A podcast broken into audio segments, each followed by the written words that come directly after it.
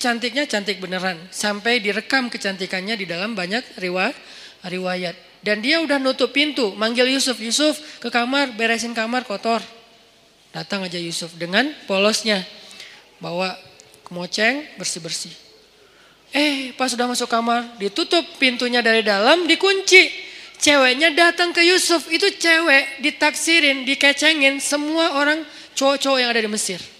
Semua berandai-andai seandainya saya jadi suaminya, seandainya saya jadi suaminya. Yusuf sekarang ada di dalam kamar berdua sama cewek itu. Yusuf juga bukan cowok biasa. Semua cewek semesir juga seandainya saya istri Yusuf, seandainya saya. Jadi dua nih selebgram Mesir. Maksudnya semua orang tertarik, tertarik kepada mereka saking keren-kerenah.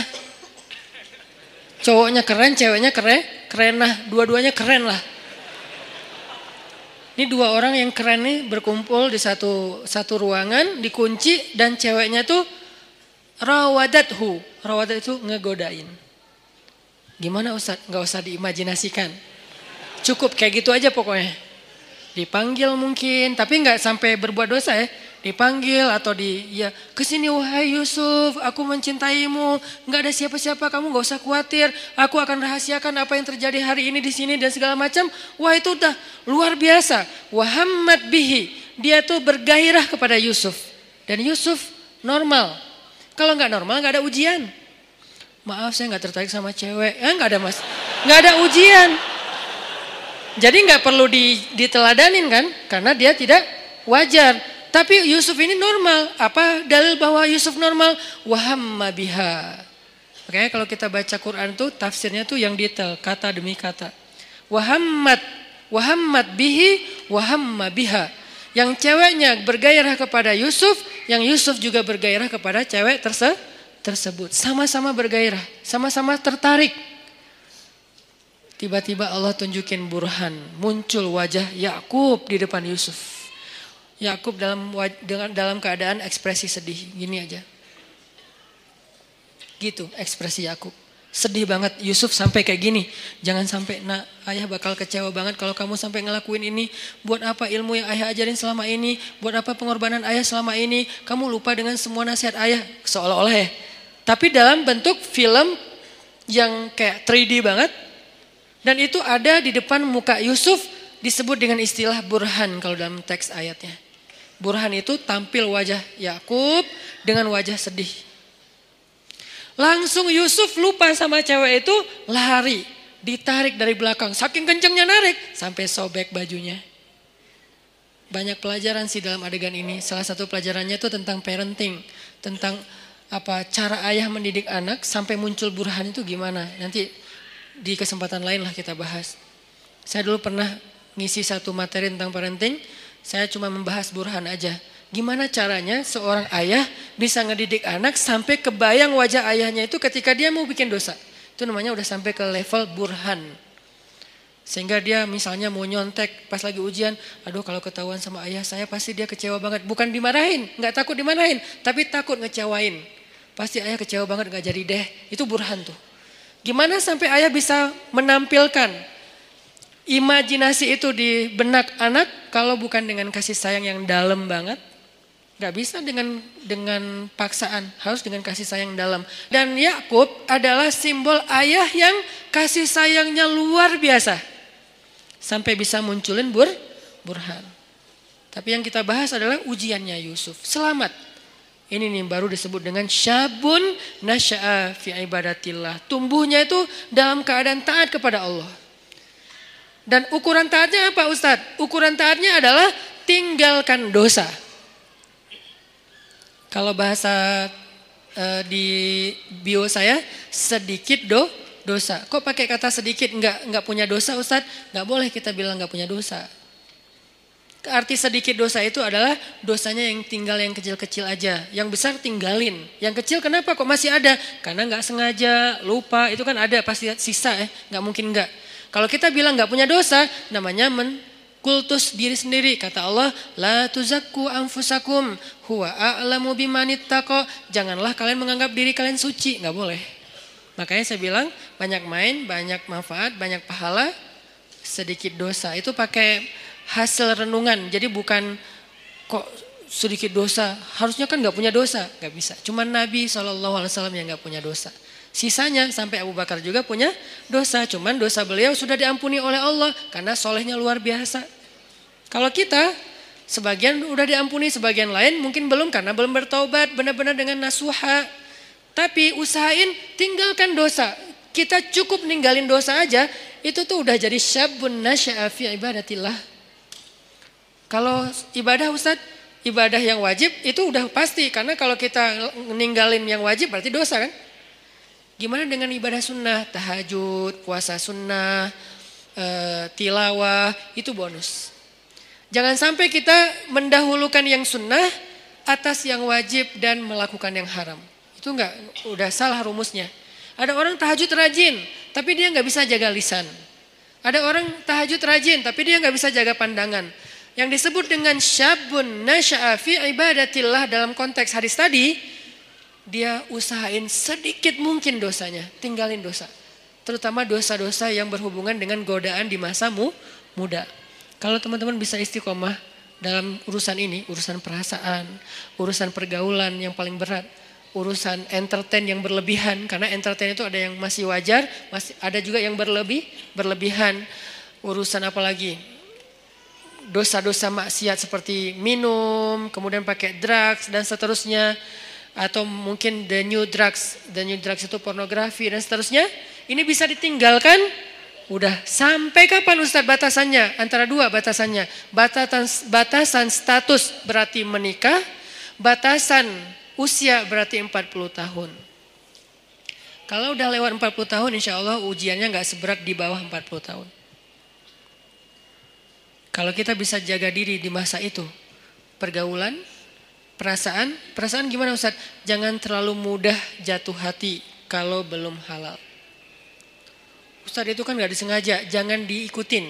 Kadang-kadang dia emang gak disengaja, munculnya itu dari setan. Yuwas wisufi sudurinas. Ih cantik ya, udah jangan diterusin, jangan dibahas. Begitu kita sekali klik, udah gitu dibahas, maka itu jadi sebuah episode.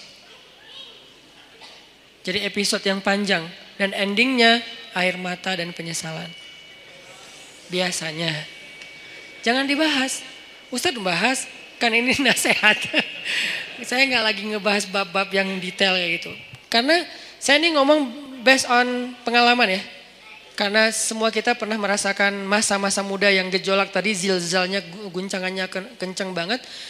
Itu tuh kalau ada kayak gitu jangan diterusin. Jangan berpikir ada orang yang dia nggak punya pacar berarti dia nggak normal. Enggak, dia normal. Cuman dia nggak mau nerusin. Emang dia nggak pernah kepikiran kayak apa tertarik dengan seseorang? Tertarik kalau dia normal. Cuman nggak diterusin, nggak mau dibahas, nggak mau di apa di diingat-ingat. Caranya dia menyibukkan dirinya dengan hal-hal yang positif. Bisa proyek sosial, bisa juga spiritual. Proyek sosialnya bantu orang, bikin proyek-proyek yang sifatnya healthcare kayak atau kemanusiaan kayak atau apalah atau proyek yang sifatnya spiritual ya kayak ke masjid, itikaf, tilawah, mumpung masih muda, ya udah gua ikut program hafal Quran. Itu menyibukkan diri biar nggak sempat kepikiran yang kayak gitu-gitu. Kan kalau udah ngafal Quran habis semua tuh energi pikiran kita buat ngafalin Quran. Ya udah Paksain aja diri kita datang ke sebuah lembaga penghafal Quran yang udah kayaknya mungkin paling nyaman ada banyak. Mungkin kalau di Pemuda Hijrah ada teras tahfiz gitu ya. Datang, siapa yang daftar? Saya sungguh-sungguh pengen daftar. Udah bisa baca Quran belum? Ya udah mulai dari uh, baca Quran dulu. Ya udah saya daftar tahsin, belajar tahsin. Sibukkan. Udah sibuk kayak gitu nggak sempat kepikiran lain. Kalau masih kepikiran berarti kurang sibuk. Kalau masih kepikiran berarti kurang sibuk. Cari lagi sampai sibuk. Sampai nggak sempat mikir itu baru namanya nasya'a, tumbuh. Jadi kalau kita bedah kata demi kata, syabun artinya tadi udah jelas pemuda. Sekarang nasya'a, nasya'a itu tumbuh. Artinya tumbuh itu menghabiskan waktu. Arti tumbuh menghabiskan waktu, menghabiskan usia, menghabiskan eh, harinya. Berarti daily activity-nya apa? Daily life-nya itu apa? Kita sibukin daily life kita dengan semua yang membuat kita nggak sempat mikirin dosa. Gimana caranya? Pilih dari tiga kesibukan secara value-nya.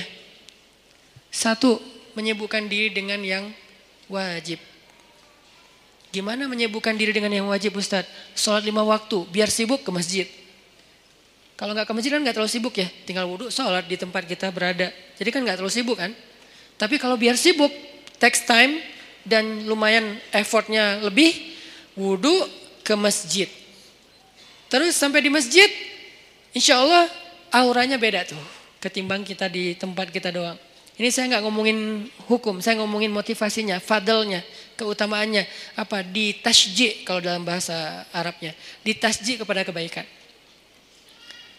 Sibukkan, nasya'a itu menyibukkan diri dengan sesuatu yang membuat pertumbuhannya itu semuanya atau nggak semuanya pun mayoritasnya positif. Daily life kita tuh mau diapain? Yang wajib, ibadah misalnya. Yang wajib orang tua misalnya berbakti sama orang tua. Itu udah udah udah lumayan tuh ngambil apa e, waktu kita jadwalin. Kalau misalnya kita ngerantau telepon WA jadwalin. Kalau kita dekat sama orang tua tuh datang ke orang tua ada waktu bersama dengan orang tua ngapain gitu. Keluarga kalau dengan orang tua plus dengan adik kakak atau apa. Pokoknya keluarga ini silaturahim kan kalau bahasa lebih ini lagi, silaturahim jalin, sibukkan dengan yang wajib. Ustadz, yang wajib udah sholat lima waktu, telepon orang tua, tilawah sehari minimal dua lembar, minimal itu wajib. Di atas itu sunnah, sejus normalnya idealnya sejus, minimal dua lembar lah sehari. Udah Ustadz, masih banyak waktu kosong, yang sunnah.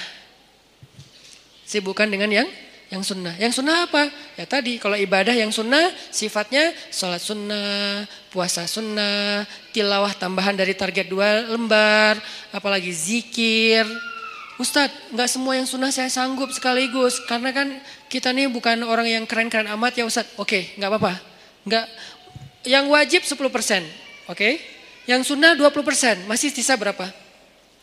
70%. Habiskan buat yang mubah, boleh. Karena yang wajib dalam kehidupan kita kan nggak banyak kan sebetulnya. Yang sunnah lebih banyak dari yang wajib. 20%. Atau yang wajib 20%, yang sunnah 30%. 50%-nya mubah. Arti mubah apa? Enggak berpahala, tapi juga enggak dosa. Dia enggak berpahala, tapi juga enggak do, enggak dosa. Emang boleh Ustaz? Ya boleh lah. Makanya Islam itu luas. Syumuliyatul Islam. Orang banyak ngebahas Islam itu dari sisi satu satu bab doang nih parsial banget, wajib aja. Jadi seolah-olah Islam itu ada cuma ada satu kata, harus itu doang atau dua, harus dan haram. Udah. Jadi hidup kita tuh kayak berat banget ya, harus ya. Kalau nggak haram ya, nggak ada pilihan. Karena yang dibahas dari Islam itu parsial banget, cuman bagian kecil. Sementara ada bagian yang begitu luas dalam kehidupan kita 24 jam, itu nggak dibahas. Yang dibahas yang wajib, ke masjid, ke masjid, ke masjid. Tapi kan kita nggak tinggal di masjid kan realitasnya. Gimana kalau kita udah selesai sholat, ngapain lagi Ustadz? Nah, berarti kita bahas bab mubah. Mubah, nggak dosa, nggak berpahala. Apa? Entertain. Ketemu temen, nongkrong, tapi nongkrongnya dijaga. Atau yang lebih positif dan tetap dia mubah, main. Main itu dalam kalau bahasa saya maksudnya itu olahraga ya. Cuman kita kalau nyebut olahraga kesannya kayak berat gitu kan kayak ada beban. Main aja lah, tapi yang penting berkeringat. Itu olahraga sebetulnya, cuman main. Kenapa disebut main? Biar sesuai dengan hobi. Jangan dipaksain harus nge-gym semua. Nggak semua orang senang nge-gym, cari treadmill, mungkin mahal. Ya udah, lari aja keliling komplek. Kalau perlu, nanti kita mudah-mudahan di masjid kita ke depan, ada banyak tempat shower kayak di bandara yang ultimate, yang di Terminal 3 kan ada tempat shower tuh. Kalian ke masjid mah lari aja.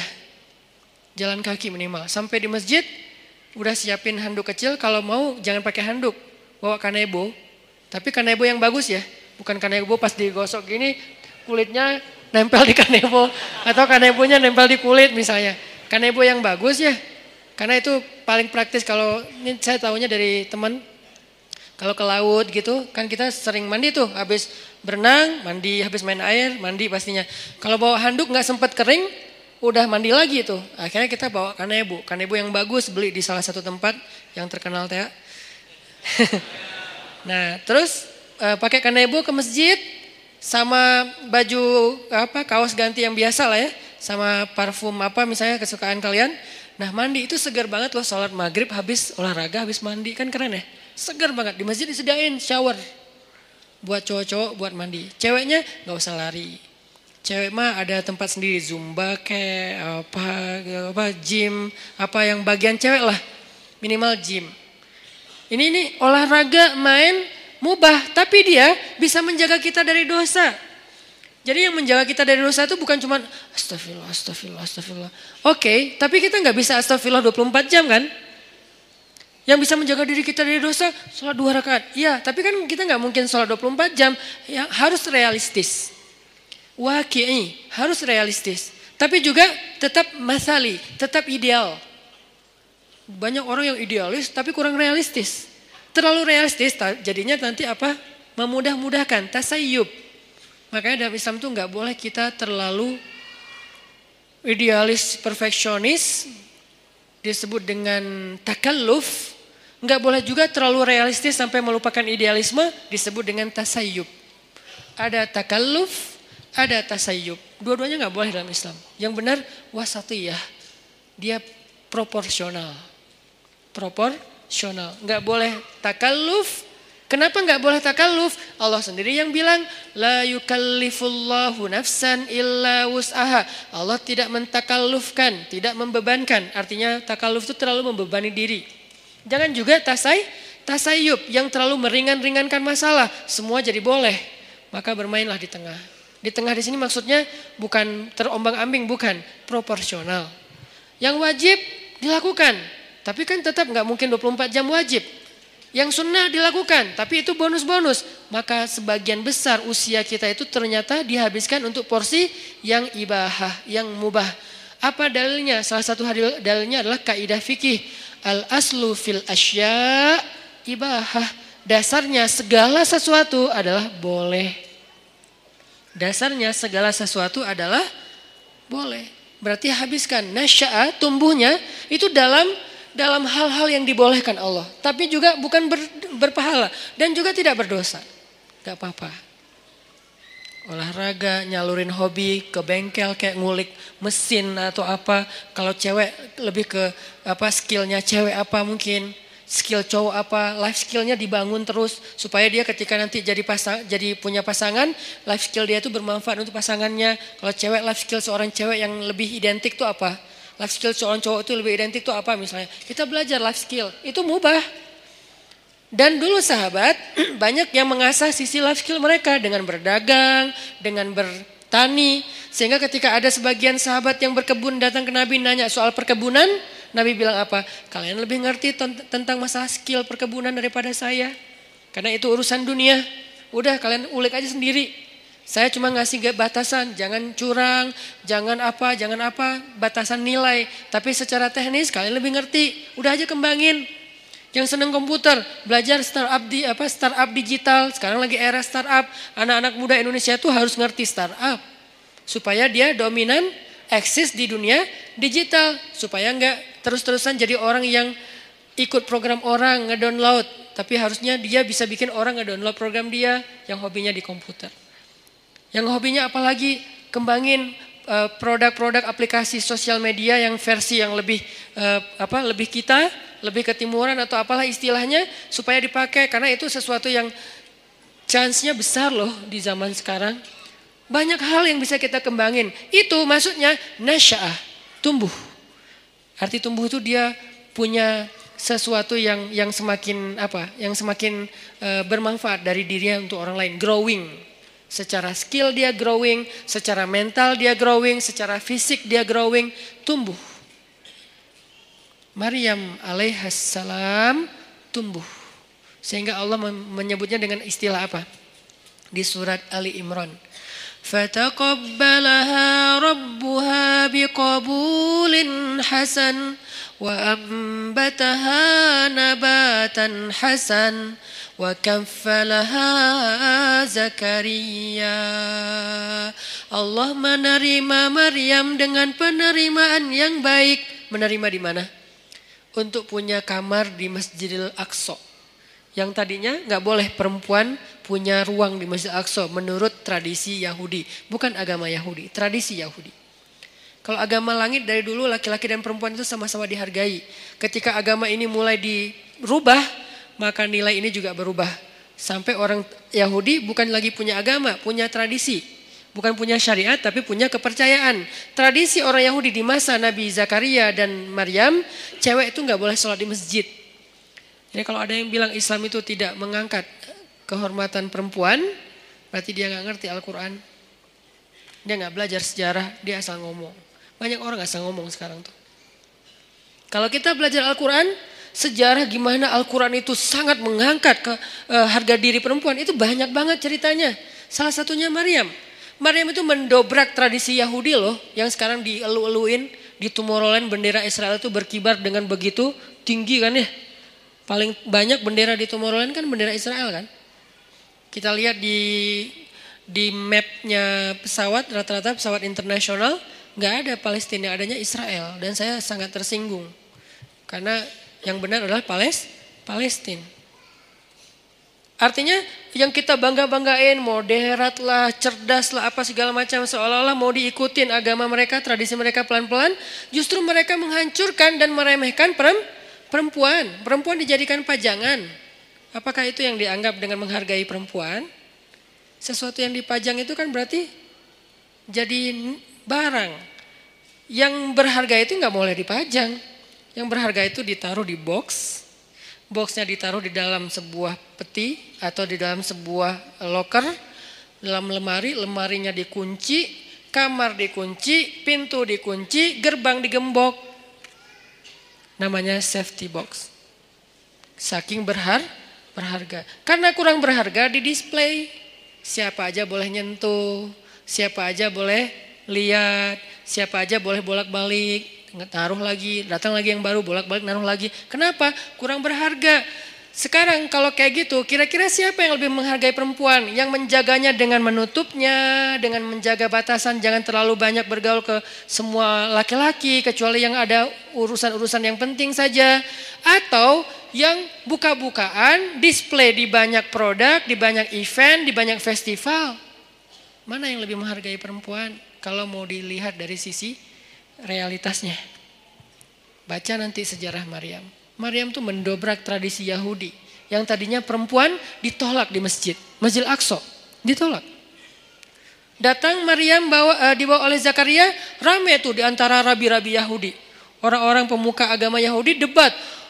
Wahai Zakaria, kamu sudah mencoreng tradisi nenek moyang kita. Mana pernah di Masjid Aqsa ini ada perempuan? Mereka lupa bahwa Yahudi, apa bahwa agama ini berasal dari seorang laki-laki yang punya istri, yang punya anak perempuan, yang punya ibu, manusia biasa yang tidak jauh dan tidak bisa lepas dari kehidupan seorang perempuan. Mana pernah di Masjid Aqsa itu ada perempuan dan nggak boleh perempuan itu rendah, nggak boleh dia sama dengan laki-laki. Itu tuh doktrin Yahudi loh. Perempuan itu rendah sehingga dia tidak boleh diberikan hak yang sama dengan laki-laki. Perempuan itu hina, jadi nggak boleh masuk ke masjid yang mulia. Laki-laki doang yang mulia dan boleh masuk. Itu tradisi Yahudi sebelum datangnya Maryam. Datang Maryam, Allah takdirkan namanya pun Maryam. Dan tahu arti Maryam? Khadimah. Maryam itu artinya pelayan masjid. Itu arti Maryam.